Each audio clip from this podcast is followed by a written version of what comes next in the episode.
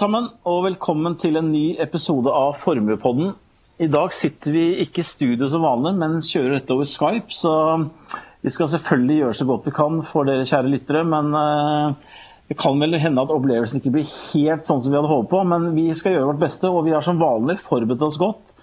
Um, de som er med oss i dag, er som vanlig strateg Trim Trym Riksen. Og vi er også så heldige å få med oss aksjesjef Lars Rørn. Velkommen. Takk skal du ha. Uh, agendaen for dagen, Vi har satt opp noen hovedpunkter. og Det vi skal snakke om, er selvfølgelig kvartalet som har vært, lagt bak oss. Vi skal snakke litt om utfallsrommet korona har på realøkonomien. Vi skal innom eh, klare sentralbankene og demme opp for dette her. Eh, og ikke minst, nå som vi er så heldige å ha Lars med oss, vi skal snakke litt om hva som skjer i oljemarkedet om dagen.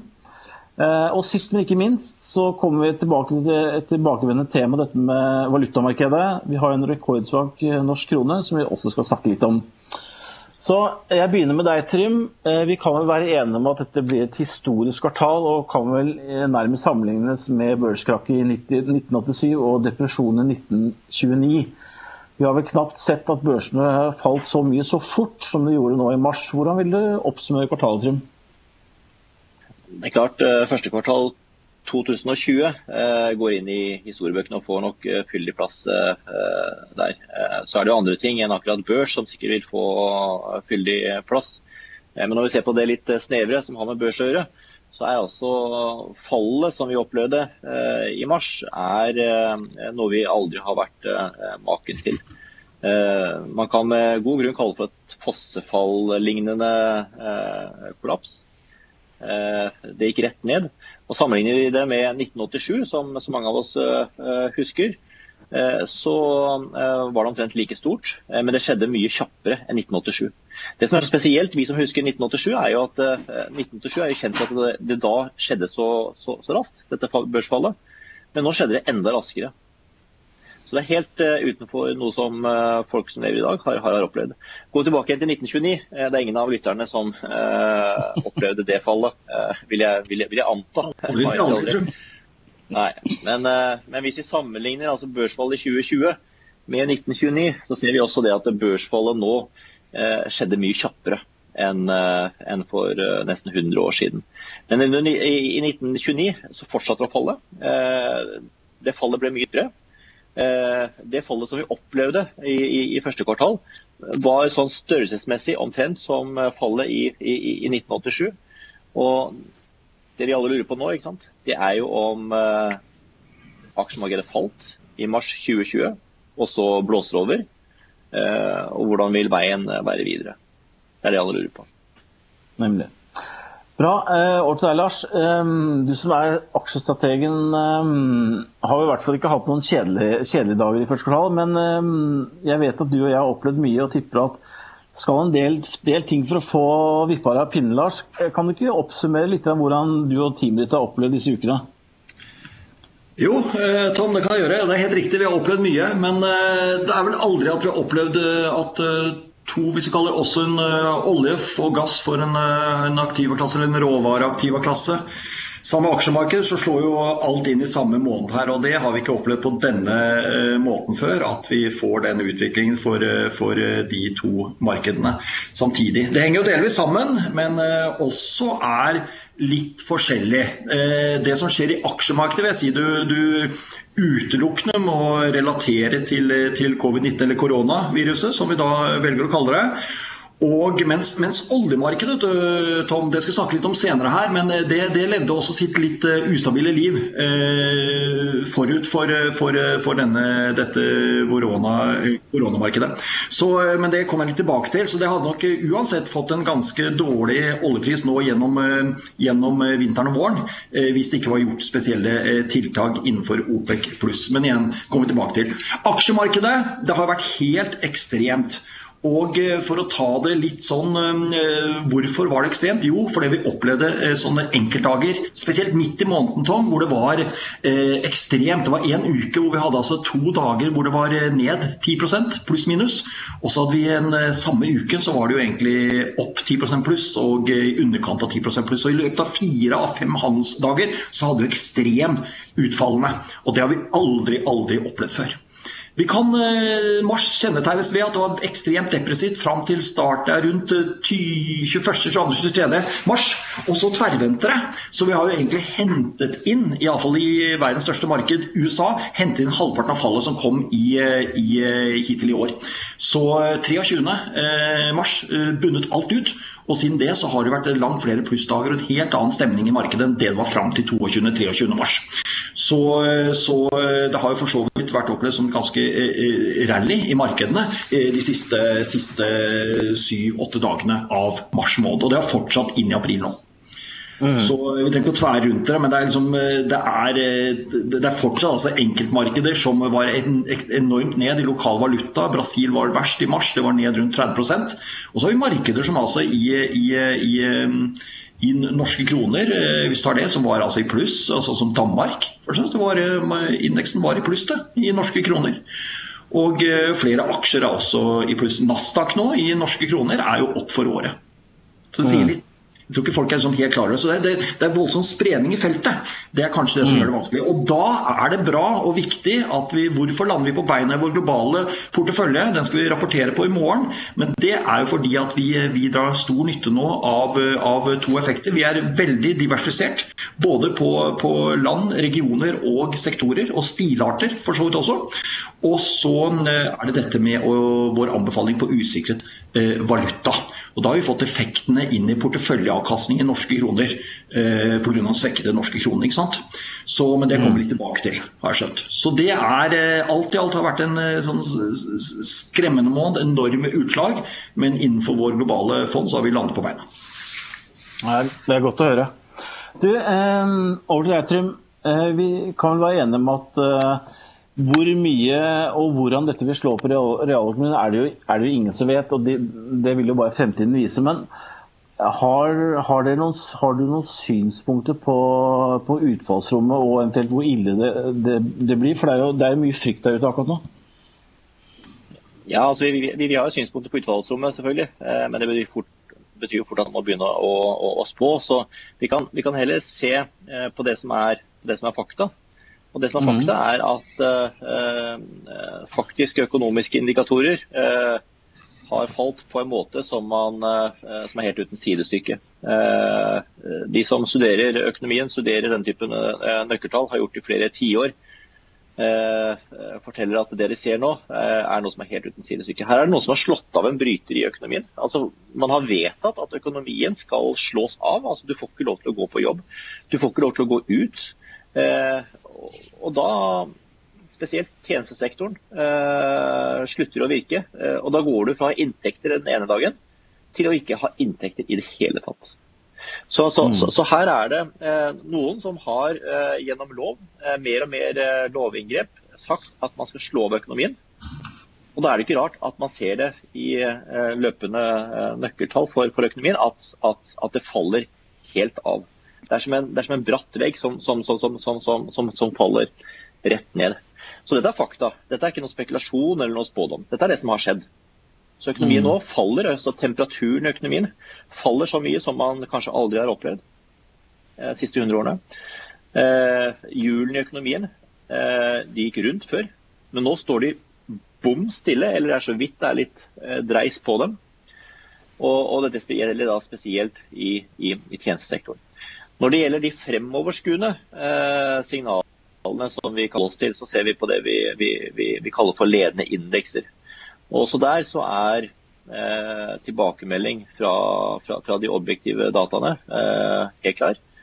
At her, her, går det rett ned, eh, og rett i kjelleren. Så størrelsen på det som skjer nå, er helt uten sidestykke. Bredden Eh, altså Hvilke deler av økonomien er det man opplever at uh, går i stå? Uh, det, det, det, det, er en virkelig bred bredde. Det, skjer på tvers av økonomien, i de fleste segmenter, i de fleste sektorer. Det som er den store jokeren nå, det er jo hvor lenge varer denne eh, nesten totale nedstengningen av økonomien. Og Det er ikke så lett å si, for at noe av dette her eh, er jo Politikerne sitter med noe av, eh, av, løsningen her. De kan jo vedta at nå skal folk begynne å gå på jobb igjen. Nå er det, nå er det, er trygt. De kan vedta det. Men spørsmålet er jo da, eh, vil folk tro på disse politikerne? Fordi at Hvis de sier én ting i Østerrike, og så sier man én ting i Italia, og så sier man én ting i Brasil og en annen ting i, i, Texas, ikke sant? Og så er presidenten i USA litt uenig, og så er Kina Så blir det veldig mange meldinger her. Så det å mm. vite at folk skal gå tilbake på jobb, jeg tror folk nå har blitt litt eh, redd, litt skremt. Og det er først når eh, legestanden, eh, eh medisinerne, epidemiologene, kommer ut ganske enstemmig, eh, en slags konsensus, og sier at eh, nå eh, er det, er, det, er det, tryggere, nå er det trygt å gå på jobb. Først da kan man anta at folk, de store massene, er tilbake og jobber akkurat som de gjorde i 2019 og 2018 og, og, og sånt. Så mm. eh, det kan virke som at en, en, en opptining av økonomien vil ta noe tid. Eh, folk har blitt eh, skremt. De vil ikke gå tilbake igjen til jobben med en gang. Eh, de vil kanskje tenke seg om to ganger før de setter seg på et tog hvor det ikke er ja, det, det, er ikke sitteplass engang, for det er så tett. Så, så, så, man har satt i gang en del prosesser i økonomien som har med frykt å gjøre, som gjør at det tar, ting, det tar tid å få ting i gang. Og også bedrifter som nå har måttet legge ned, som har gått konkurs eller, eller, eller har gått rett i, i, i fryseren så tar det tid for dem å eh, samle alle trådene og, og være oppe og stå, slik som vi var, eh, var før krisen. Så mm. eh, det ligger an til at denne bratte nedturen som man er vitne til nå, den, den, den, vil ikke fortsette. for Da går man jo i null sant, i, løpet av, i løpet av 2020. Og det, det, vil man nok ikke gjøre.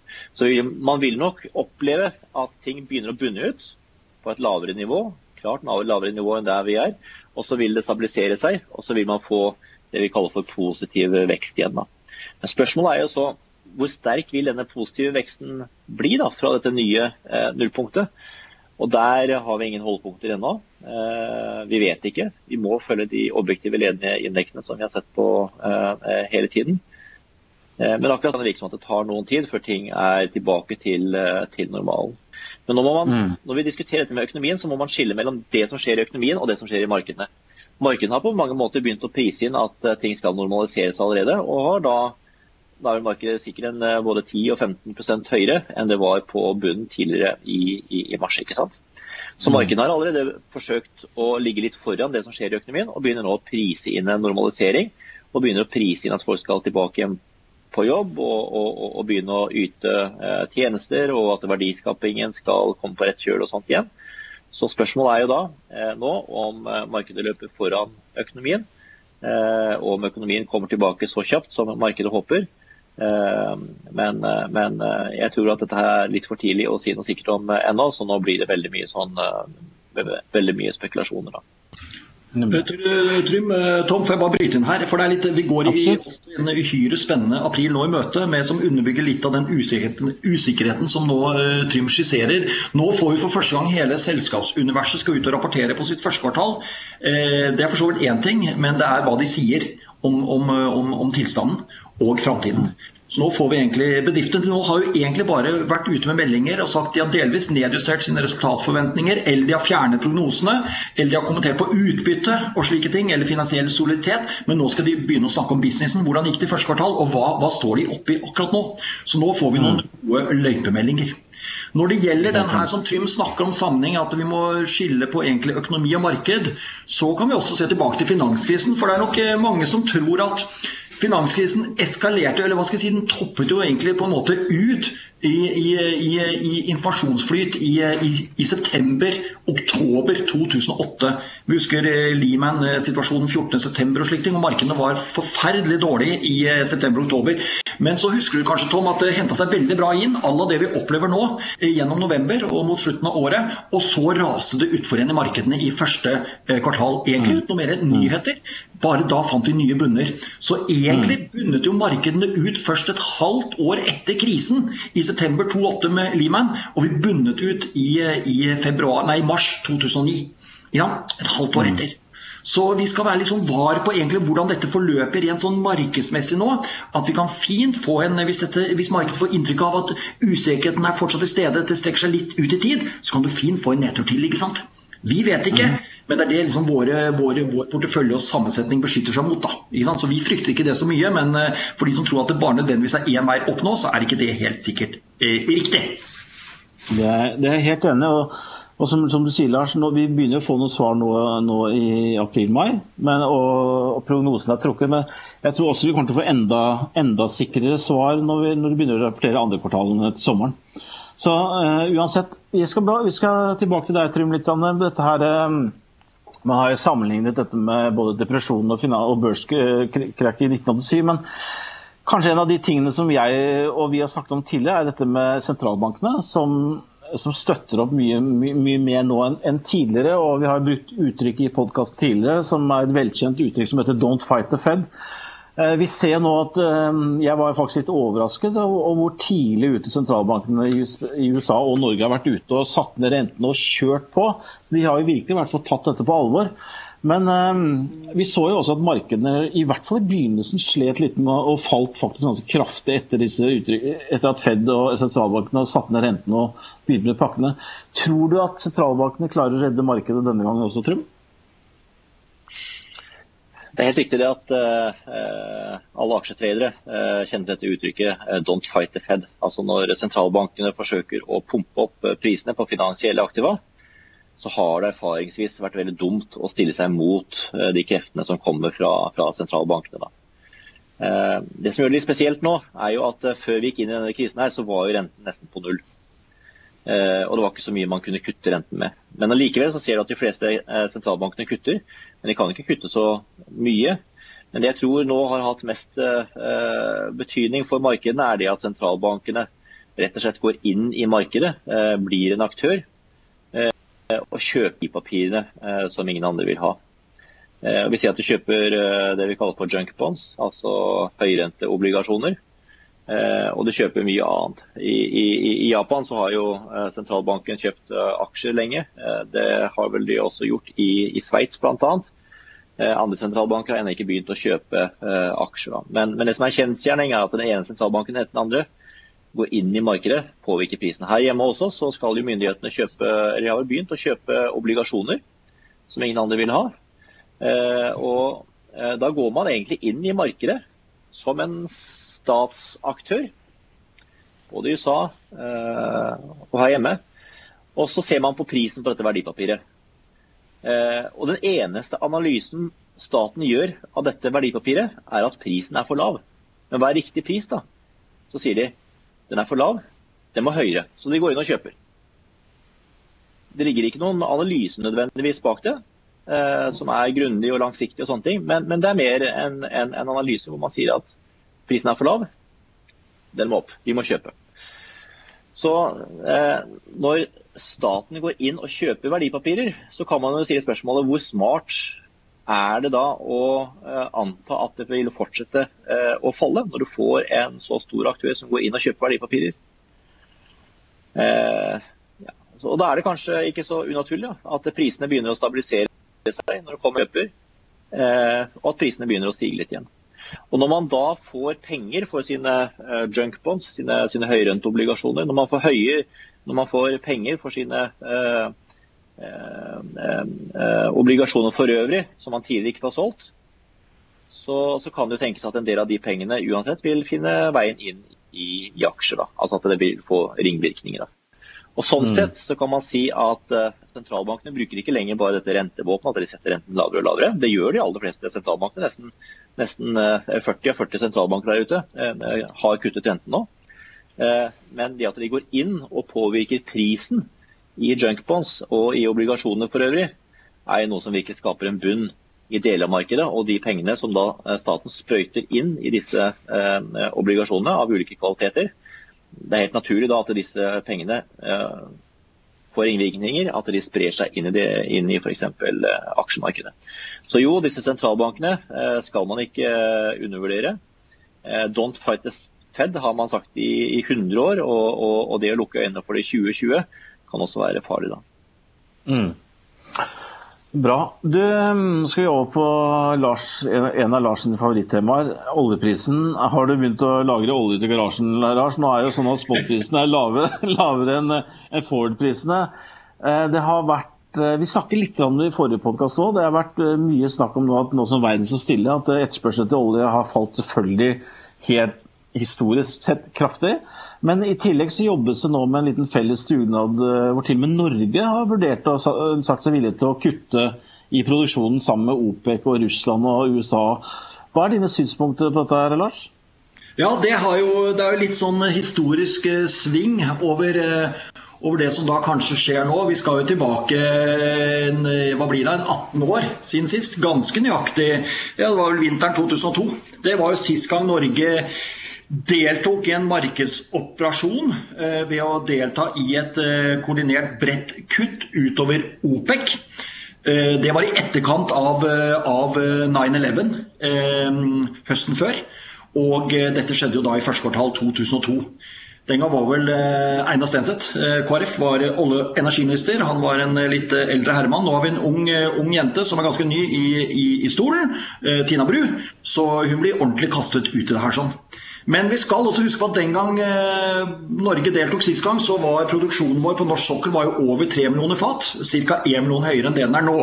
Ikke sant? Så Norge var en mye større oljeprodusent, både i en global sammenheng. Vi sto vel den gang for ca. 4% av verdens produksjon eller konsum, og nå står vi for ca. 2 Overkant av to. Mm. Så vi er blitt halvert. Den gang var vi jo tredje største eksportør i verden. Det er vi overhodet ikke nå. Vi er mye mye lenger ned på listen. Kanskje vi ikke er topp ti engang. Kanskje nummer åtte eller ti. Så det er en helt annen situasjon. Men det man ser for seg, da, Tom, nå er det litt vanskelig å snakke om det her sånn, for nå er det tirsdag, og, eh, og dette skjer jo på torsdag. Eh, møtet mm. skulle vært i går, den sjette, mandag. De er Pga. vedvarende forhandlinger så har de skjøvet det til torsdag. Dette blir et videokonferansemøte. I den grad Norge deltar, som de har varslet, så deltar de bare egentlig som en form for en, form for en sivil representant. De er jo ikke en del av det formelle møtefora her, sånn. Eh, så de kommer til å, å, å lytte inn, og så gradvis bli tatt inn i dialogen. Eh, vi skal kuttes 10 millioner fat, som det snakkes om her, sånn, så må jo 6 millioner fat av de ca. komme fra OPEC. Og så må det komme et par millioner fat om dagen må kuttes da fra Russland, eh, kanskje med hjelp fra Kina. Og så er det igjen 2 millioner fat, og det må plukkes opp da av USA, Canada, eventuelt Brasil og Norge. Ikke sant? Mm. Da ser jeg bort fra andre mindre. Så Det er sånn vi summerer oss opp til disse her ca. 10 millioner fatene. Eh, du får ikke meg nå til å si noe om dette skjer eller ikke skjer. Eh, for det blir bare dumt når det ligger to dager foran oss. Men det er iallfall det er forhandlinger. Eh, det er mye fornuft i å gjøre det her sånn. Jeg vil heller flagge at nedsiden i oljeprisen blir jo veldig stor hvis dette her sprekker nå. For det er jo mm. åpenbart bygd inn forventninger. Sist uke har vi jo aldri sett prosentvis, prosentvis at oljeprisen har gått så mye opp som den gjorde på noen få dager når eh, markedet begynte å få nyss om disse samtalene her, og eh, president Trump egentlig annonserte det. At her er det ting på gang. Ikke sant? Det var en mm. voldsom reaksjon. Den ene dagen gikk vi opp 30 eh, og så falt litt tilbake, men det sier litt. Det har vi aldri sett før. Så eh, alt i alt, eh, dette kan og så blir det spørsmål da hvor mye går oljeprisen oppover på det her sånn, og, eh, eller nedover på en, hvis det ikke blir avtale. Jeg vil si det så mye at um, vi har jo en overproduksjon i dag uh, i forhold til etterspørselen som er utover de 10 millioner fatene. Uh, oljemarkedet var allerede i en ustabil posisjon uh, før denne koronasituasjonen. Husk at det har vært et OPEC pluss-samarbeid, altså OPEC pluss Russland, i de siste tre årene. Det sprakk jo nå i vinter, eller i mars nå, ved utgangen av mars, ved at den avtalen ikke ble forlenget. Men da var det jo kunstig holdt tilbake rundt 4,5 millioner fat olje fra markedet. Forut for koronakrisen. Så det var en ubalanse her. Man kjempet hardt for å holde prisen egentlig over 50-60 dollar. Så, så, dette ordner ikke opp i problemene. Det er altfor mye olje i verden, også i en normalverden. Eh, så det er mm. poenget mitt her. Så kanskje vi mm. fremover nå skal bli, ha lært nå kanskje mer at på på 50-55 dollar så blir det for mye olje i verden over tid. Og på 40-45 så blir det litt for lite. Så kanskje mm. beste analytikerestimatet for oljeprisen er kanskje å legge seg på det her likevektspunktet rundt en 50 dollar, 50-50 dollar, når vi nå mange ganger de siste årene har fått bekreftet at det er kanskje der produksjon og etterspørsel balanserer mest mulig. Og så om vi kuttet disse her håpene, langsiktige estimatene på 75 og 80 dollar og sånne ting, det kan skje kortsiktig selvfølgelig, men å ha langsiktig prisforventning i oljeestimatene på 75-80 dollar, det ser ikke jeg at det er noe grunnlag for. Men heller ikke at den skal ligge på 20-25-30 dollar over tid. Det er det heller ikke. Likevektspunktet ligger rundt 45-50-55 dollar. Det har jeg for så vidt egentlig hatt som mitt estimat helt siden 2014. Mm. Men bare for Et avslutningsspørsmål, Lars. Eh, bare for å sette det litt i perspektiv, så er det jo sånn at når, når, eh, når Russland valgte å ikke kutte nå i mars, og det, liksom det ble oljepriskrig, så var det jo fordi da ønsket de å videreføre de gamle kuttene på 1,5 million fat. Og så ønsket de ytterligere et kutt på 1,5 million fat, hvor OPEC skulle ta ca. 1,1 og så skulle Russland kutte 4000. Eh, og da må man, For å sette litt i perspektiv, så er det ganske vilt å se for seg nå at nå skal de plutselig kutte over 10 millioner fat. I, i, i historien så har vel det aldri skjedd. Nei, nå går litt tilbake. Du skal ikke så mange altså Dette med oljemarkedet nå har jo egentlig utspilt seg de siste fire ukene, fire-fem ukene, hvor man har sett hvordan det kollapset.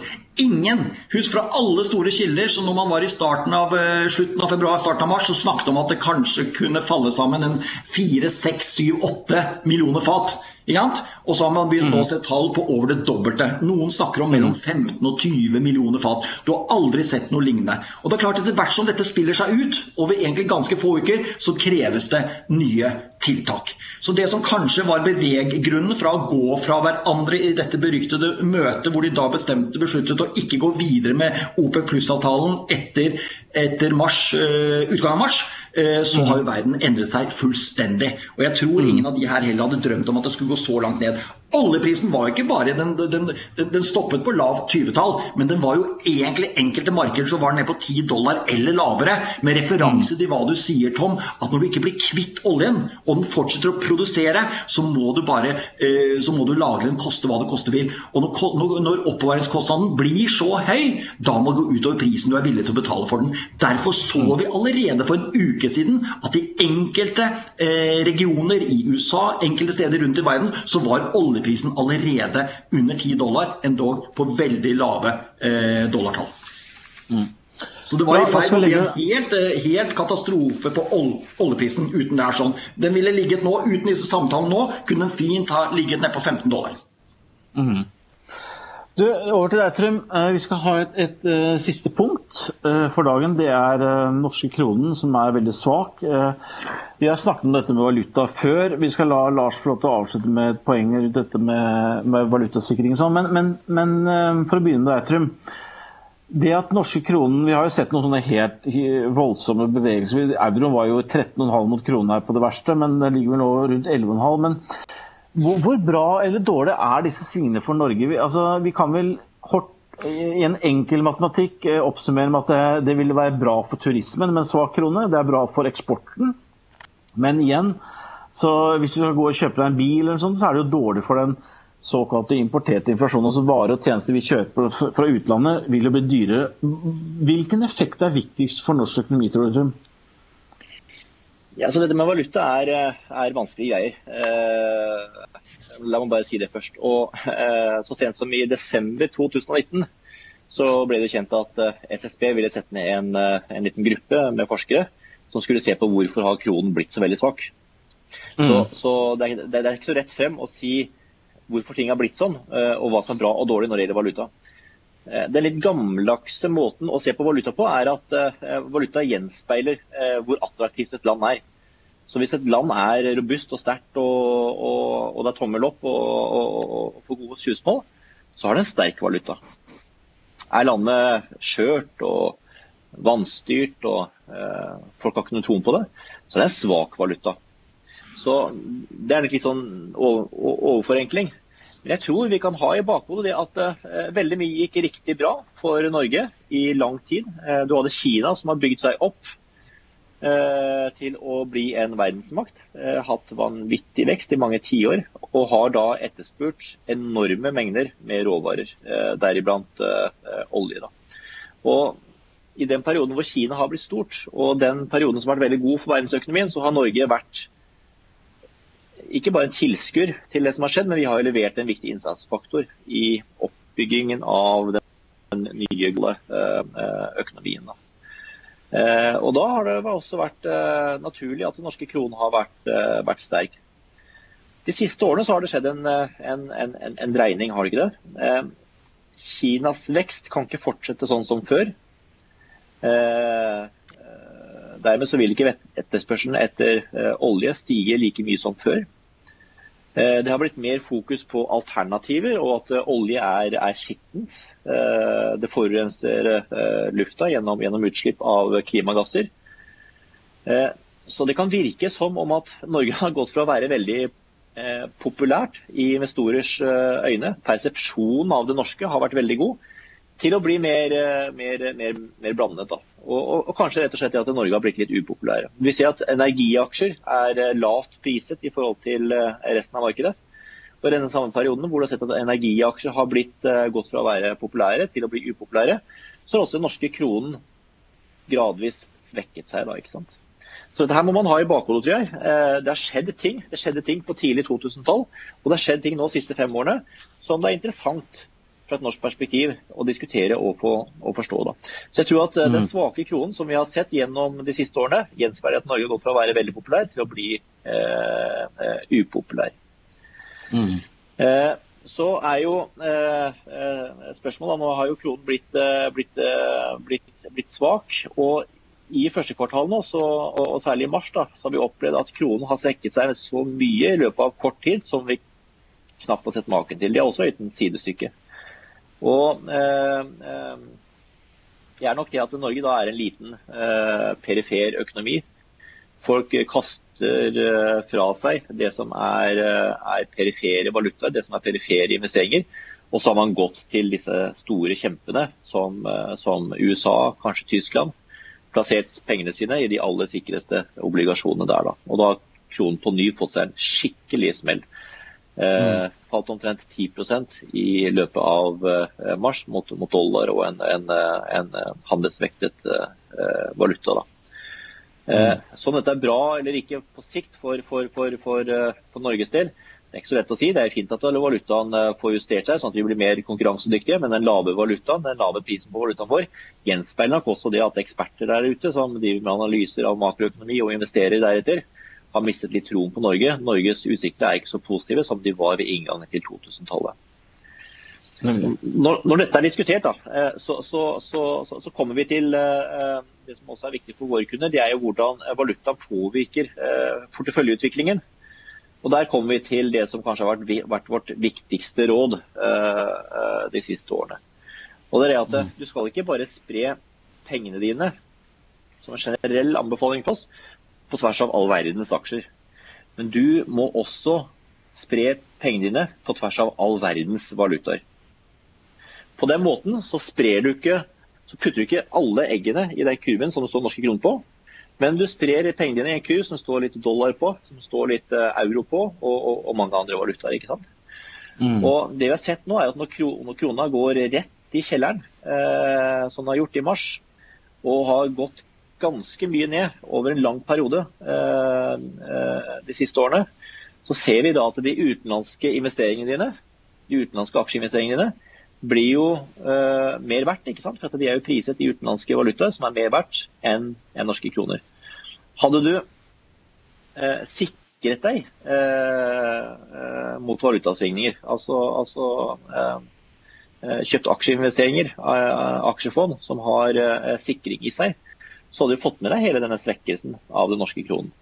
Da hadde du fått en mye smalere risikospredning enn om du kjøper all verdens aksjer i all verdens eh, valutaer. Så Det viktigste mm. rådet vårt de siste årene er, er, er det at, at, eh, vi har også spredt oss på tvers av all verdens valutaer. Og Ved at vi har gjort det, så har du siden 2014 eh, fått en avkastning som har vært omtrent eh, dobbelt så mye i, i, i globale aksjer. Eh, du sitter igjen med omtrent dobbelt så mye penger hvis du har eh, spredt aksjeinvesteringene på tvers av all verdens valutaer, enn om du hadde sittet og bettet på at du må ha aksjeinvesteringer i, i, i, i, norske kroner som har gått rett i kjelleren. Så mm. Anbefalingen vår generelt er at du alltid skal eie utenlandske aksjeinvesteringer i all verdens valutaer, og ikke inngå et veddemål, vette på at den norske kronen skal styrke seg, og, og, dermed ta bort den risikospredningen som kommer på kjøpet når du kjøper all verdens valutaer i all verdens, all verdens aksjer i all verdens valutaer. Veldig bra, Trym. Um, avslutningsvis, eh, Lars, tenkte jeg å gi deg ordet. Har, nå, nå, nevnte jo Trym dette her litt med med gevinstsikring og valutasikring. og Der har jo dere vært veldig flinke og veldig klare. Dette har vi også snakket om litt tidligere. Men eh, kan du ikke mm, gi oss en, kanskje en liten smakebit på, på effekten av dette her nå? Jo, effekten er jo stor, men jeg vil bare minne om at det er ikke bare nå i første kvartal den er stor. Hvis Vi går, vi introduserte disse usikrede uh, investeringsløsningene i aksjer, Global Actis og Nordic Actis, uh, med usikkerhet fra om jeg 2015.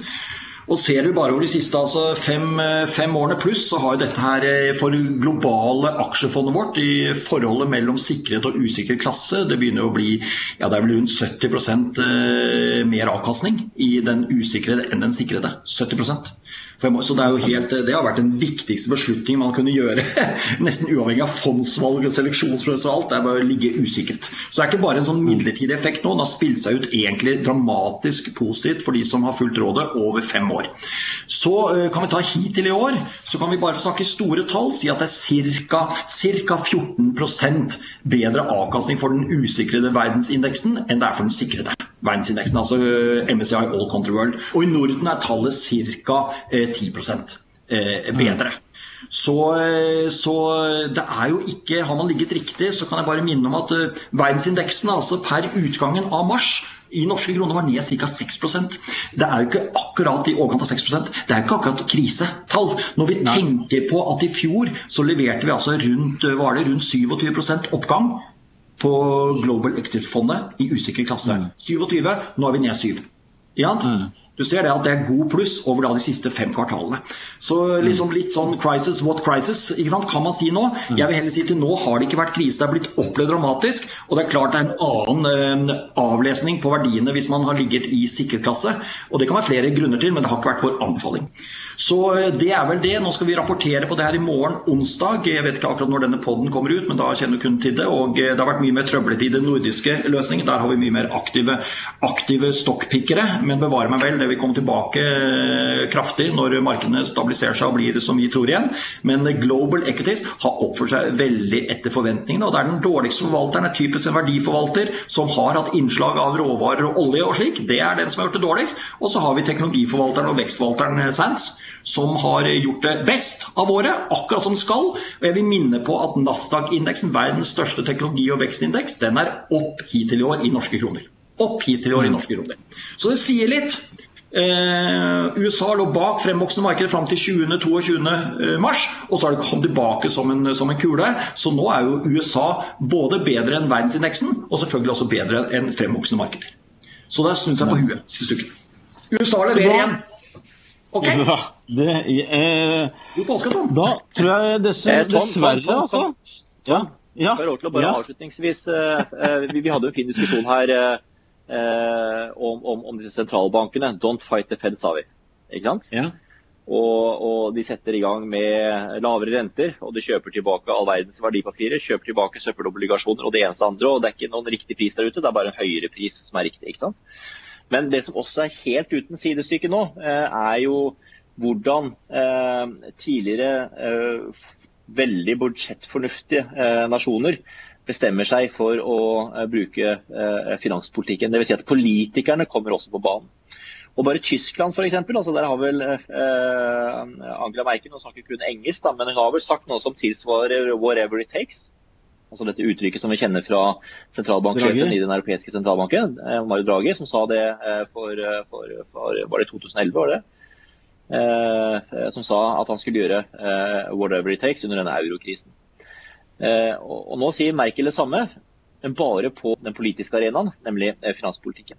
Så Tyskland har allerede nå meldt inn finanspolitiske tiltak som tilsvarer mer enn 20 av bruttonasjonalproduktet.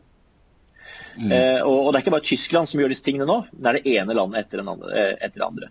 Så det skjer også uh, mye spennende her på uh, det finanspolitiske, på det politiske feltet, som uh, begynner å nærme seg noe helt uten sidestykke. Og jeg tror at det, Disse finanspolitiske tiltakene de gjenspeiler altså bare den frykten og den usikkerheten som er, er der ute. Man gjør whatever it takes, fordi at den krisen som man opplever nå, er noe man ikke har opplevd før. Og da er man veldig redd for at det skal gå, gå gærent. Da. Men vi har jo ikke noe fasit eller noe sånt nå, så, så, så, jeg tror vi bare sitter her og krysser litt fingrene på det. Og så, og så, får vi bare følge med på mest mulig objektive data. When a facts change, I change my mind. Og så, og får man uh, forsøke å gi kunder gode råd uh, løpende. Men det, det viktigste rådet jeg, jeg, tror man kan gi kunder, er at uh, Det er et forslitt begrep, altså, men det er, men det er å, når, når, bølgene er så store som nå i markedene I går var markedet opp i, i aksjer 7-8 i, i, USA. Tidligere har markedet falt 12% på en dag i, i, USA. Når det er så store bølger, så er det alltid et godt råd å, å forsøke å sitte litt stille eh, og, og, og, rolig i båten, så du ikke faller ut. Mm. Eh, det er også et uttrykk som heter å, binde seg fast i masten. ikke sant? Eh, mm. I noen perioder kan det være så bra å bare binde seg fast i masten. Eh, og ikke høre altfor mye på hva eh, eksperter eh, på TV og i avisen sier der ute. Fordi de sier veldig mange ting som ikke kan stemme på en gang, for at de sier konflikterende ting. ikke sant? Så, så, så, det å binde seg til masten, eh, være tro mot den planen man har lagt for eh, investeringsporteføljen og, og, for formuesforvaltningen, det tror jeg er det beste rådet man kan gi eh, når, man har, når, man sitter midt oppe i en krise sånn som nå. Da. Veldig bra. Du, da håper jeg, kjære lyttere, at dere har fått litt eh, påskesnadder, og at um, dere koser dere. Det blir ikke noe på hytta eller noe sånt uh, i år. Men um, da ses vel vi om en måneds tid, og så får dere ha en god påske. Og så sier jeg takk til Lars og Trym som vanlig, og så ses vi plutselig igjen. Ha det bra. Ha det bra. God påske. Ha det bra. Takk for nå. God påske.